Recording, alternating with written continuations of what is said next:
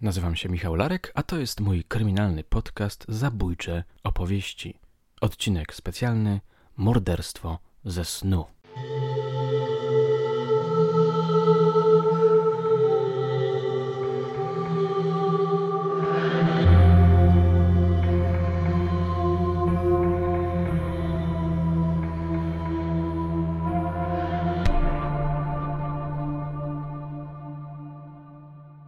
Parę tygodni temu w ramach zabójczych opowieści wypuściłem początek chirurga, mojej najnowszej kryminalnej książki osadzonej w mrocznych latach 80. Po emisji odcinka pisaliście, że bardzo wam się podoba, słuchacie po parę razy i prosicie o więcej. Postanowiłem spełnić waszą miłą prośbę. Oto kolejny fragment chirurga. Tutaj również przyglądamy się przestępcy, próbujemy wejść w jego bardzo pokręcony, perwersyjny umysł. Posłuchajcie opowieści o sennych majakach pewnego przerażającego mężczyzny. Z nabożeństwa wrócił bardzo poruszony.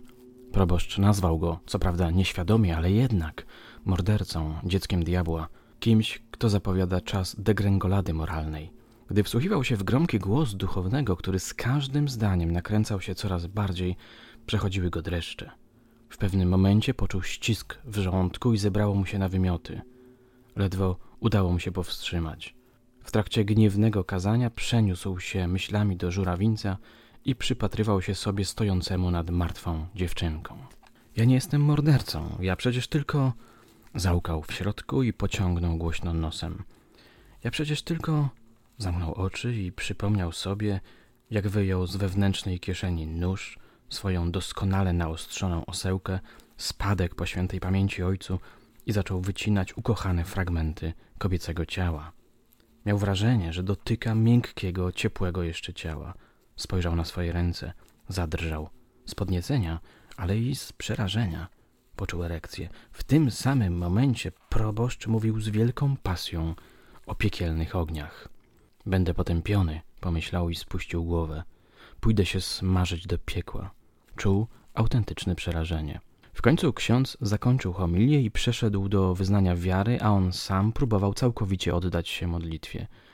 Przypomniał sobie świętej pamięci prababcie Matyldę, która mówiła, że tylko w modlitwie można znaleźć ukojenie duszy.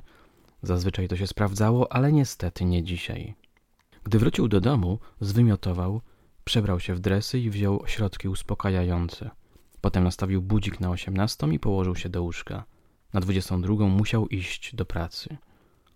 Przez jakiś czas wpatrywał się w sufit, czując przepływające przez jego ciało fale gorąca. W końcu zamknął powieki i odpłynął w głąb podświadomości. W którymś momencie przeniósł się na naramowicki cmentarz. Oparł rower o płot, a potem usiadł na ławce. Położył ręce na kolana, wystawił twarz do słońca. Było południe. Zamknął oczy. Przez chwilę trwał w bezruchu. Było mu bardzo dobrze, niczego nie czuł, niczego nie pożądał. Proszę pana, proszę pana, to był dziewczęcy głos. Otworzył oczy. Na widok dziewczynki zatkało mu dech. Co ty tu robisz? Wydukał. A dlaczego pan pyta? Zapytała dziewczynka, przyglądając mu się z wielką powagą. Przecież ty jesteś Martynka, prawda? To prawda, przytaknęła grzecznie. No właśnie, przecież, przecież ty nie żyjesz. To prawda, nie żyje.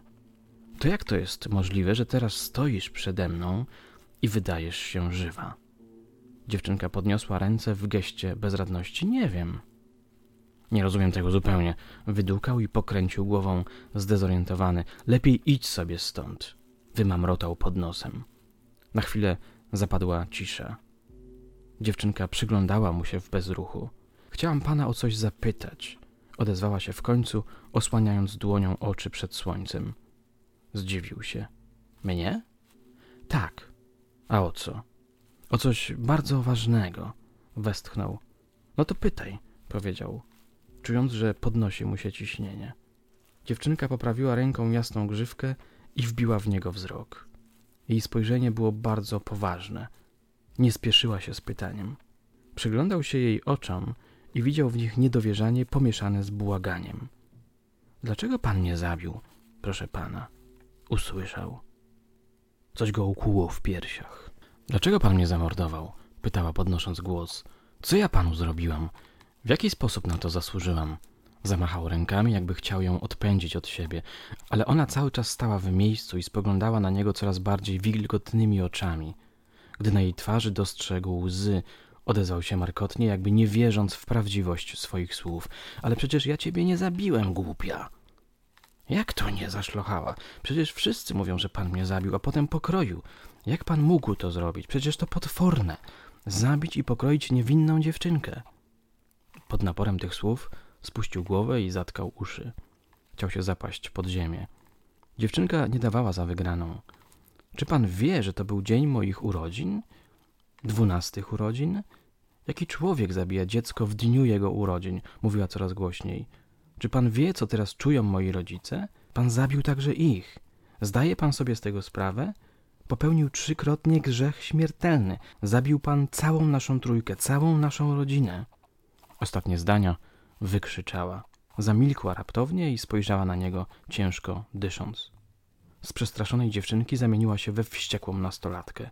Pójdzie pan się smażyć do piekła, ryknęła i rzuciła się na niego z pięściami. Poderwał się wtedy z ławki, chwycił ją za szyję i przygniótł do ziemi. Ty diablico! Warknął i zaczął ją dusić. Ku jego zdumieniu stawiała zaciekły opór, jak dorosły, silny człowiek. Wiła się, szarpała, próbowała podrywać z ziemi. Zirytowany tym faktem wyjął osełkę i zaczął zadawać ciosy z coraz większą furią. W końcu całkowicie zatracił się w tym morderczym dźganiu. Oprzytomniał dopiero wtedy, gdy usłyszał milicyjne syreny. Znieruchomiał. Spojrzał na zmasakrowane ciało leżące w kałuży krwi. Spojrzał na ręce, były zakrwawione. Coś go ścisnęło w żołądku. Co ja zrobiłem? Wymamrotał. Odgłos syren stawał się coraz bardziej intensywny. Gdy poczuł ból w bębenkach, otworzył oczy. Był u siebie w domu. Westchnął. Budzik wydawał z siebie nieprzyjemny dźwięk. Nie cierpiał go. To znowu tylko sen. Leżał w łóżku, ciężko oddychając.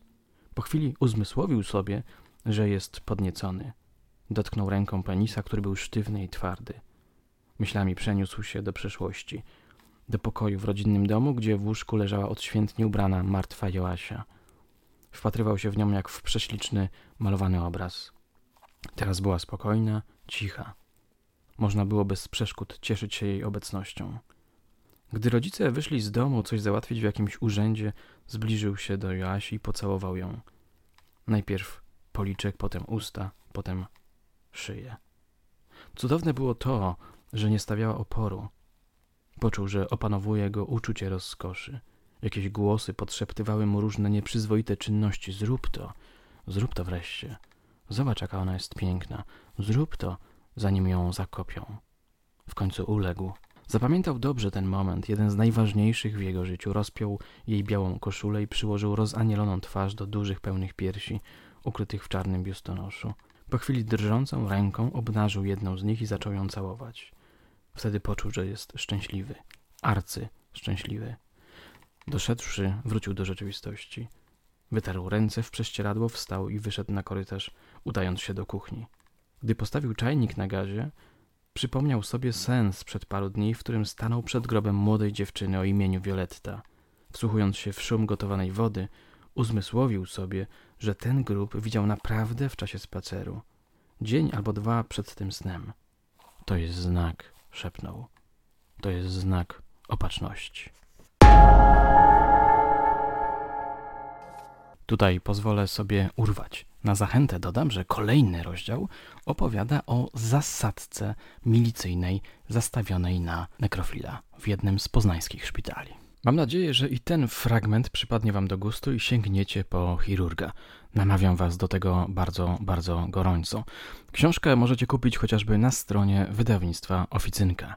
A na dzisiaj to wszystko. Oczywiście zachęcam Was do lajkowania, komentowania oraz subskrybowania mojego kanału, a także do śledzenia moich poczynań na Facebooku i Instagramie.